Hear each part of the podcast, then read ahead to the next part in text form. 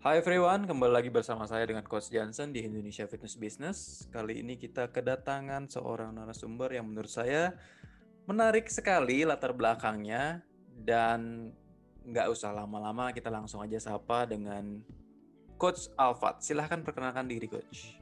Oke, sebelumnya terima kasih banyak Coach Johnson sudah diundang ke acara podcast mm -hmm. Indonesia Fitness Business.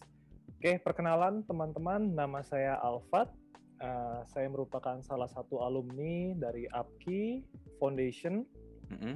Saat ini saya bekerja sebagai seorang coach, juga sebagai konsultan di bidang uh, industri kebugaran. Nah, menurut saya Coach Alfat ini salah satu yang karirnya cukup cepat ya melonjaknya. Iya. Bisa dibilang from nothing to something gitu loh. Nah, tadi latar belakang kamu kan uh, memang kamu juga mendalami fitness training. Tapi saya pernah dengar kalau kamu sebenarnya interestnya lebih banyak ke martial art. Boleh nggak cerita sedikit tentang martial art itu sendiri? Oh iya, uh, sebenarnya saya itu dari kecil kan orangnya cukup anaknya cukup aktif. Jadi kayaknya uh, akhirnya di uh, akhirnya saya nyoba berbagai olahraga termasuk basket tapi mm -hmm. saya ngelihatnya ya seperti orang tinggi karena tinggi saya kebetulan 184 coach. Jadi wow. ten tentunya diarahkan tentunya main basket, basket. ya. Iya, main basket di mana-mana. Cuma saya ngerasa kok uh, saya main basket dari SMP sampai SMA itu nggak ada perkembangan. Hmm. Tidak ada perkembangan yang teman-teman saya udah level nasional nih kenapa saya masih di sini gitu. Cuma gak, akhirnya nggak ada perkembangan karena hmm. sistem latihannya kah atau interestnya atau oh, passion yang ada di sana? Sebenarnya saya lebih uh, berlatih basket karena bukan karena kemauan sendiri cuma kayak desakan dari teman-teman yang lo kan tinggi Fat. Ah. kayaknya daya seperti itu. Makanya kayak oke okay, nah. ya udah deh jalanin. Tapi nggak ada perkembangan pada saat belum belum belum sampai lima menit udah dapat pelajaran berharga dari coach Alfat nih yeah. bahwa sesuatu yang kamu terpaksa lakukan atau tidak sesuai dengan apa yang kamu inginkan itu tidak akan bisa berkembang ya coach ya iya betul sekali coach hmm. Hmm. nah uh, saya juga pernah dengar kalau kamu salah satu disiplin yang kamu dalami adalah kempo iya betul ya dan dan boleh nggak cerita sedikit tentang bagaimana value atau mungkin uh, pengalaman kamu bersama si kempo ini martial yeah. arts uh, bela diri saya itu awalnya saya terjun di bela diri Sorinji Kempo. Itu bela diri dari, Sorinji Kempo. Sorinji Kempo okay. dari Jepang. Itu ya sama hampir sama seperti karate atau bela diri Jepang lainnya. Cuma karena kebanyakan bela diri Jepang itu kan memiliki uh, sebenarnya semua bela diri memiliki memiliki value. Cuma karena ini di Jepang kita dari textbooknya benar-benar diajarin secara mental secara disiplin apa-apa aja nilai-nilai uh, sportivitas. Contohnya kayak sebelum kita sebelum uh, berlatih itu kita mengucapkan janji kayak misalnya kalahkan dirimu sebelum mengalahkan orang lain. Wow. Nah, itu itu itu wajib itu salah satu doktrin yang diterapkan oleh Kempo. Jadi kayak kita harus menguasai diri kita dulu sebelum kita benar-benar terjun ke lapangan, sebelum bisa mengalahkan orang lain, Coach. Jadi Sorenji Kempo ini nggak cuma bak-buk-bak-buk aja, tapi ada value-nya ya? Way iya, of betul. life kalau bilang ya. Betul. Wow. Makanya makanya dari situ saya uh, terutama untuk anak kecil ini bagus banget. Nilai-nilai ini kita bisa tanamkan dari sampai kita bahkan ketika kita bekerja dalam dalam bidang apa pun istilahnya di mana kita harus menguasai mental kita sebelum menguasai orang lain. Nah, hmm, yang keduanya itu kita pada saat kita bertanding itu coach, ketika kita memenangkan sebuah pertandingan kita nggak boleh selebrasi coach nggak boleh selebrasi. Iya, jadi kayak misalnya waktu itu saya pernah tuh uh, berapa kali tanding uh, ketika saya uh, menang, saya selebrasi waktu itu masih masih SMA. Jadi itu dimarahin langsung.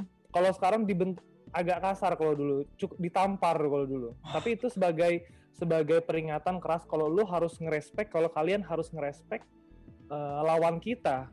Crazy. Karena la, itu adalah value-value so good Wah itu yeah. value-nya bagus banget. Mm -hmm. Wow, sekali, I'm amazed. Iya. Wah. Sama salah sama salah satu lagi value yang dia bilangnya harus menghormati atasan tapi tidak meremehkan bawahan. Itu oh, salah satu yang itu salah satu yang paling penting juga sih. Anak yang tumbuh dengan value-value dari Sorinji Kempo ini udah pasti jadi badass banget. Iya, betul sekali coach. Hmm, gila gila gila keren keren keren. I never knew Kalau nggak ada Ya. podcast ini saya nggak akan tahu nih latar belakang kamu ini nih.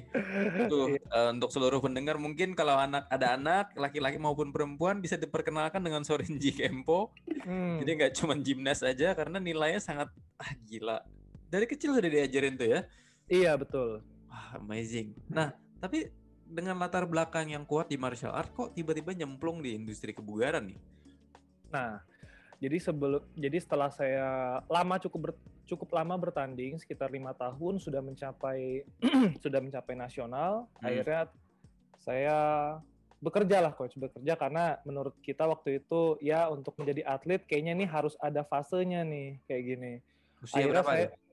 Itu saya di usia 20 sampai 21 tahun kayaknya nih udah harus istilahnya cari kerja profesional lah karena kan Ya, uh, sudah ya akhirnya saya terjun di indu- industri keuangan khususnya di pasar modal. Hmm, oke. Ya, dari sana akhirnya saya tapi ketika saya bekerja di sana kayaknya ada ada sebuah panggilan ya kita bilangnya. Kayaknya tuh kayaknya iri kalau ngelihat uh, abis pulang kerja kok teman-teman bisa latihan tapi kita nggak bisa latihan kayak gitu. Karena kan kita harus lembur kadang-kadang kayak gitu. Wow. Nah, dari situ akhirnya Rasa iri seperti apa yang yang kamu rasakan waktu itu? Iya, kayaknya tuh ada yang kurang gitu, coach. Karena ada yang kurang ketika kita selesai bekerja kok kok kayaknya nih eh, value yang kita terapkan dari kecil dulu seperti misalnya ya itu kayak misalnya kan setelah kita selesai sparring, selesai kita berlatih itu kayak ada sesuatu yang kita petik begitu, ada yang kita petik dalam dalam hal apa pun kehidupan atau kayak gimana. Cuma ketika kita selesai kerja kayak oke kayaknya cuma itu aja yang kita kerjakan gitu. Oh, you're just making money gitu ya? Iya, just making But money you aja. didn't make any impact gitu. Iya betul. I see. Iya akhirnya awalnya saya eh, akhirnya saya searching di mana di Google apa ser- bentuk sertifikasi fitness apa aja yang bisa yang menunjang saya nih. Mm-mm. Akhirnya saya awalnya saya eh, mencoba untuk mencari APKI itu eh, tidak untuk menjadi seorang pelatih, cuma hanya sebagai menunjang performa saya dalam latihan Mm-mm. Karena saya saya berpikir kayaknya nih eh, karena kan memang ilmu olahraga kan selalu update kita Iya, juga Dan gak paham ada salahnya belajar. iya betul dan kita juga paham ada keterbatasan di setiap eh, mentor kita lah Mm-mm. kadang kita tutupi mentor ini dengan makanya kita harus memiliki banyak mentor lah Betul, sebagai tepat sekali. iya betul Nah, maka kayak misalnya kayak saya lihat Bruce Lee aja dibilang waktu itu kan kita patokannya kalau martial art kita lihatnya ke Bruce Lee. Ya, Bruce Lee itu icon itu. Iya, Bruce Lee itu memiliki banyak mentor dalam sebelum dia me- menciptakan bela diri bernama Jet. Kundo. Iya, dia dia belajar jujitsu, dia belajar uh, kickboxing, pokoknya semua jenis dia belajar. Cuma yang yang yang paling penting di sini adalah kalau mentor yang di sini istilahnya hanya sampai di sini, oke kita belajar. Nah makanya saya mengambil APKI. Hmm. Nah. Kenapa? Kenapa Abgi? Maksudnya kan ada NASM, ada ACE, ada yang lain gitu loh. Saya Iya. kadang-kadang penasaran juga nih dengan dengan ini. Iya, Uh, jujur, Ya. uh, saya waktu itu masih memiliki keterbatasan dalam bahasa Inggris. Mm-mm. Nah, karena uh, waktu itu saya lihat NASM tertarik sih, sempat tertarik. Cuma Hmm. kayaknya apa salahnya kalau saya mempelajari uh, yang uh, di Indonesia dulu sebelum uh, go to internasional lah untuk ngambil sertifikat internasional lah. Mm-mm. Ya udah, akhirnya dari itu saya berpikir dulu ini ini mau bener nggak terjun nih karena uh, tadinya saya berpikir oke kayaknya fokus atlet aja lah dulu kayak gitu. Tapi Sebelum- taunya setelah setelah ngambil, waduh, karena Iya. beyond beyond learning ya. Iya. Iya betul. Jadi waktu itu saya saya selalu berpendapat kayak misalnya seperti pepatah Napoleon Hill. Kayak kita tuh kalau ma- kamu harus membakar kapalmu ketika memasuki sebuah pulau, maka pulau tersebut akan menjadi milikmu. Jadi Oke. istilahnya kita nggak bisa nih mengejar dua passion sekaligus nih. Kayak salah satu dan lu harus ninggalin menurut saya waktu itu ya. Makanya ketika itu oke kayaknya sih gua harus ngambil APKI, saya harus ngambil APKI Mhm, dan mhm. saya harus mulai mulai meninggalkan pekerjaan saya di bidang keuangan tersebut, coach. banyak yang menentang dong. Wah, tentu. tentu. Boleh dong diceritakan sedikit nih tentang langsung wah gitu tuh boleh diceritakan. Wah, tentu. Salah Itu- satu atau salah duanya aja deh. Iya, tentu eh, istilahnya orang tua jelas menantang, orang tua jelas menentang, salon mertua juga waktu itu juga sempat menentang. Cuma akhirnya benar-benar waktu itu saya uh, bilang saya minta waktu dua tahun lah, setahun sampai dua tahun setelah ambil sertifikasi ini uh, untuk menunjukkan kalau uh, di bisnis industri kebugaran ini tidak hanya yang seperti kalian lihat istilahnya kayak gitu coach, tidak seperti yang kita menciptakan uh, istilahnya making money itu udah ya hampir sama lah dengan orang yang bekerja di profesional kayak gitu yeah. kayak gitu dan akhirnya ya udah akhirnya saya tinggalin akhirnya saya ambil fokus upki waktu itu di fitness foundation bersama hmm. coach Johnson coach Leoni dibantu-bantu dan benar-benar itu itu yang lucunya adalah ketika saya ngambil upki itu kan banyak pelajaran basic biologi ya cuy hmm. biologi yang artinya pada saat SMP atau SMA saya even nggak nggak ngerti sama sekali. Tapi ketika belajar apki itu kayak nangkap semua gitu. Itu lucu loh itu lucu loh itu. Kalau menurut saya sih karena keinginan belajar kamu udah muncul. Iya iya betul banget. Itu dia. Hmm. karena keinginan belajar muncul dan mengerti kenapa saya harus mempelajari ini. Nah, mungkin saya juga merasa dulu saya tuh uh, waktu SMP sama SMA kan nggak ngerti kayak kenapa kita harus tujuan belajar. Tujuan belajar tuh untuk apa? Cuma lain ketika kita mempelajari APKI, oke okay, untuk mempelajari otot supaya kita untuk bisa mengarahkan membuat exercise nantinya itu kan itu kan jelas. Jadi mau nggak mau dan uh, lucunya kita kayak mengalir aja kayak ilmu yang dijelaskan Coach Johnson secara mudah sama Coach Leoni dan coach-coach yeah. yang lain itu kayak masuk aja gitu makanya yeah, saya yeah. kaget juga tuh wow hebat sih makanya Berarti, saya bilang kayaknya itu passion sih baru sih betul karena hmm. coaching itu juga butuh passion dan saya sih senang sebenarnya di saat kamu ngomong bahwa ini adalah preparation saya mungkin untuk mengambil international certification atau training karena dari awal kita bangun adalah untuk mempermudah teman-teman belajar kalau misalnya mau scale up atau mengambil yang lebih spesifik. Iya, betul.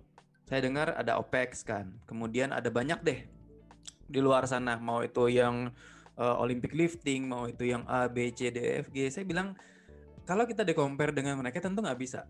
Karena yeah. yang kita ajarkan so basic tapi so important. Nah orang sering lupa, saya yakin orang-orang di di karate juga selalu ngomong basic is everything. Iya betul.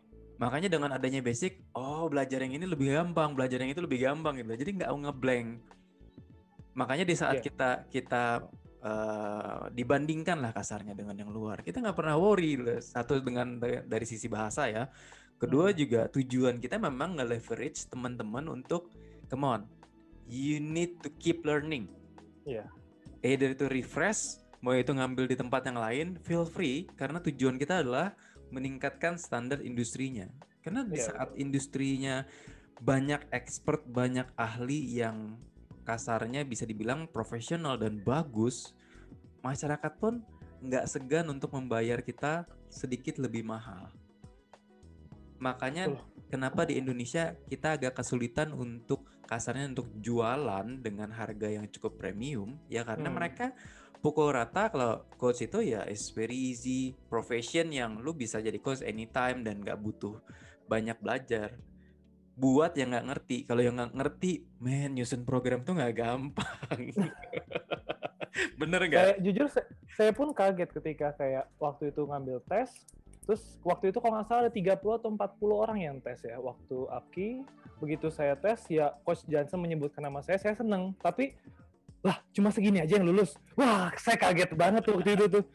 Dari 40 waktu itu cuma lima atau iya, cuma yeah, yeah, 6 yeah, pokoknya yeah. saya juga kaget tuh. Wah ini ini berarti uh, saya menyadar kalau wah Apki benar-benar serius banget nih untuk uh, memilih dan benar-benar benar-benar basic tuh penting banget deh Betul, betul. Jadi hmm. sebenarnya bukan kita mau apa ya, kita mau terlalu ketat dengan dengan ujiannya sebenarnya coach.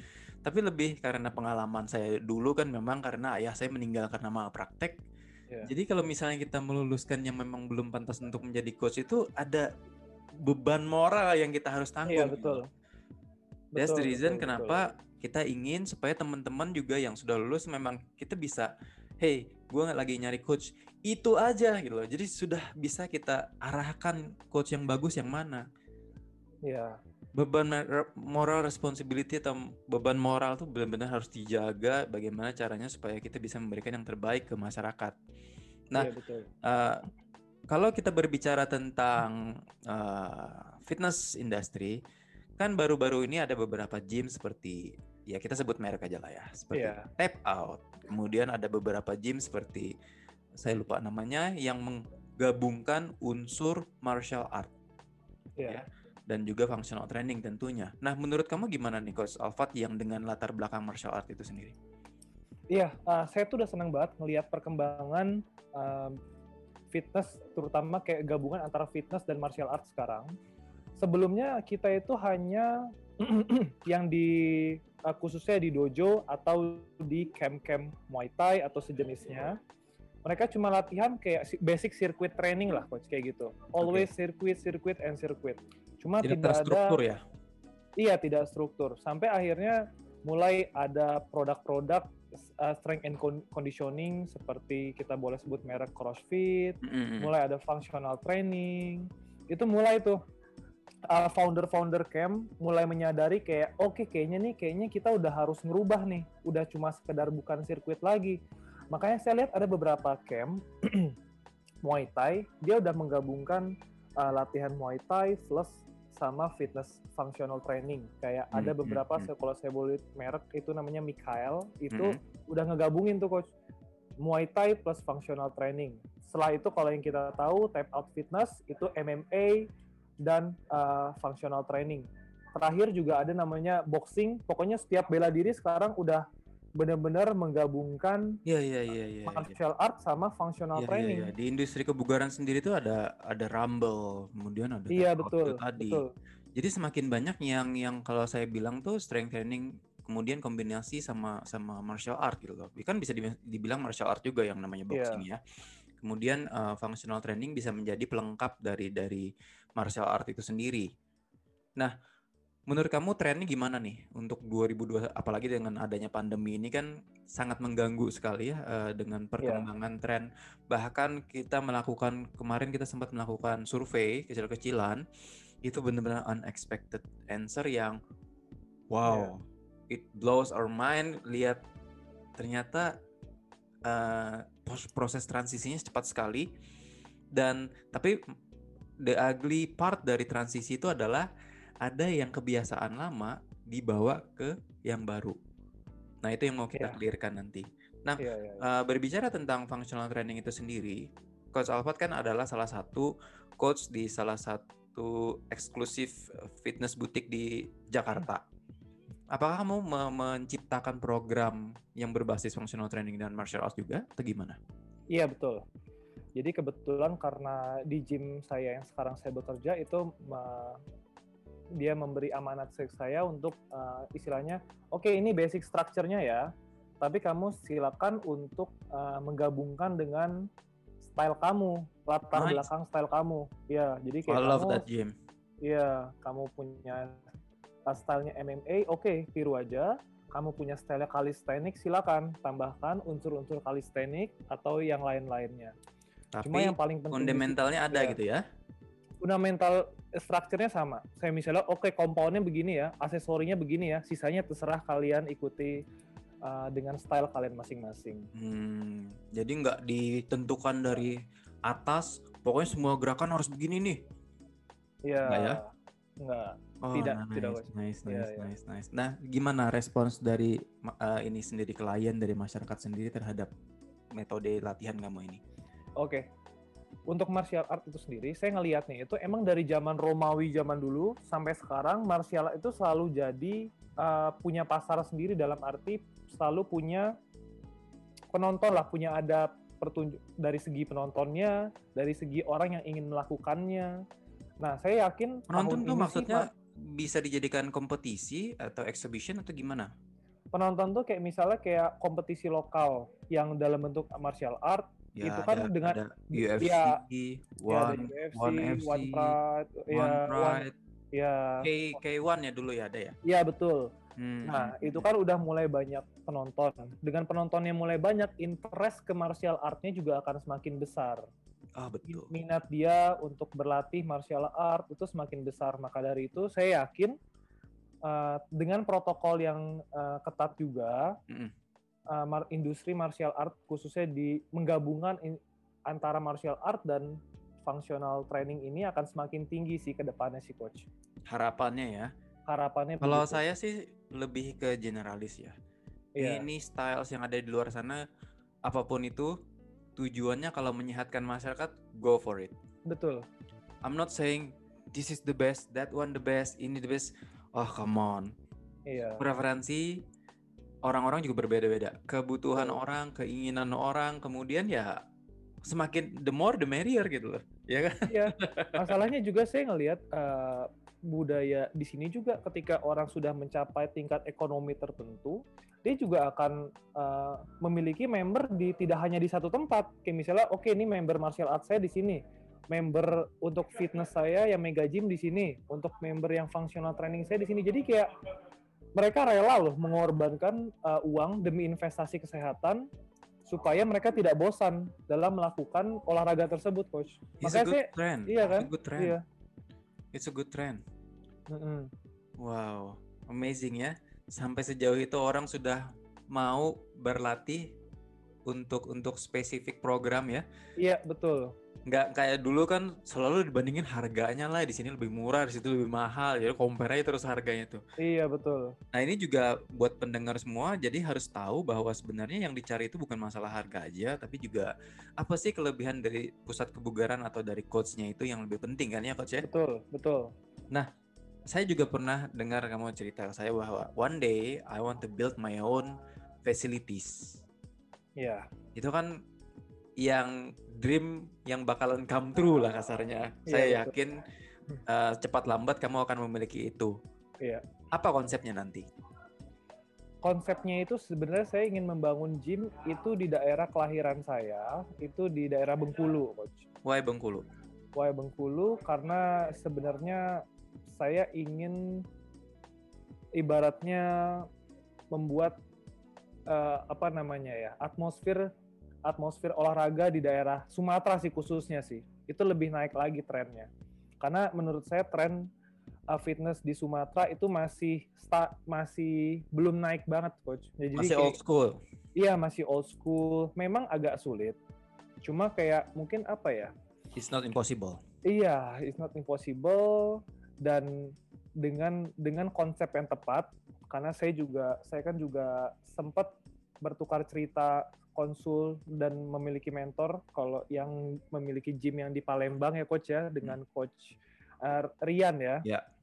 Ya beliau juga istilahnya kan eh, pasar di Palembang sama di Bengkulu sebenarnya nggak terlalu jauh Kurang lebih lah sama. kurang lebih sama makanya kita kita sama-sama waktu itu udah uh, sempat ngobrol panjang sampai kalau bisa nih kita bener-bener uh, di Sumatera nih gimana nih caranya lebih ke arah situ Itu salah satu yang saya syukuri juga dari Apki adalah adanya kolaborasi sesama alumni yang yang mereka merasa kenal satu sama lain gitu loh. Hmm, Kalau boleh jujur, eh, saya merasa Apki itu sendiri adalah entity independen yang it's beyond myself gitu loh. Sudah benar-benar yang I'm so happy dengan perkembangannya dan ada banyak yang saling berkolaborasi, saling tukar pikiran, menciptakan program, gym, bahkan saling sharing aja. Itu udah amazing banget. Nah, kalau memang misalnya sampai tercapai nih cita-citanya coach uh, Alfat nih uh, untuk buka gym di Bengkulu, apakah akan stay 100% selamanya di Bengkulu aja atau masih PP nih?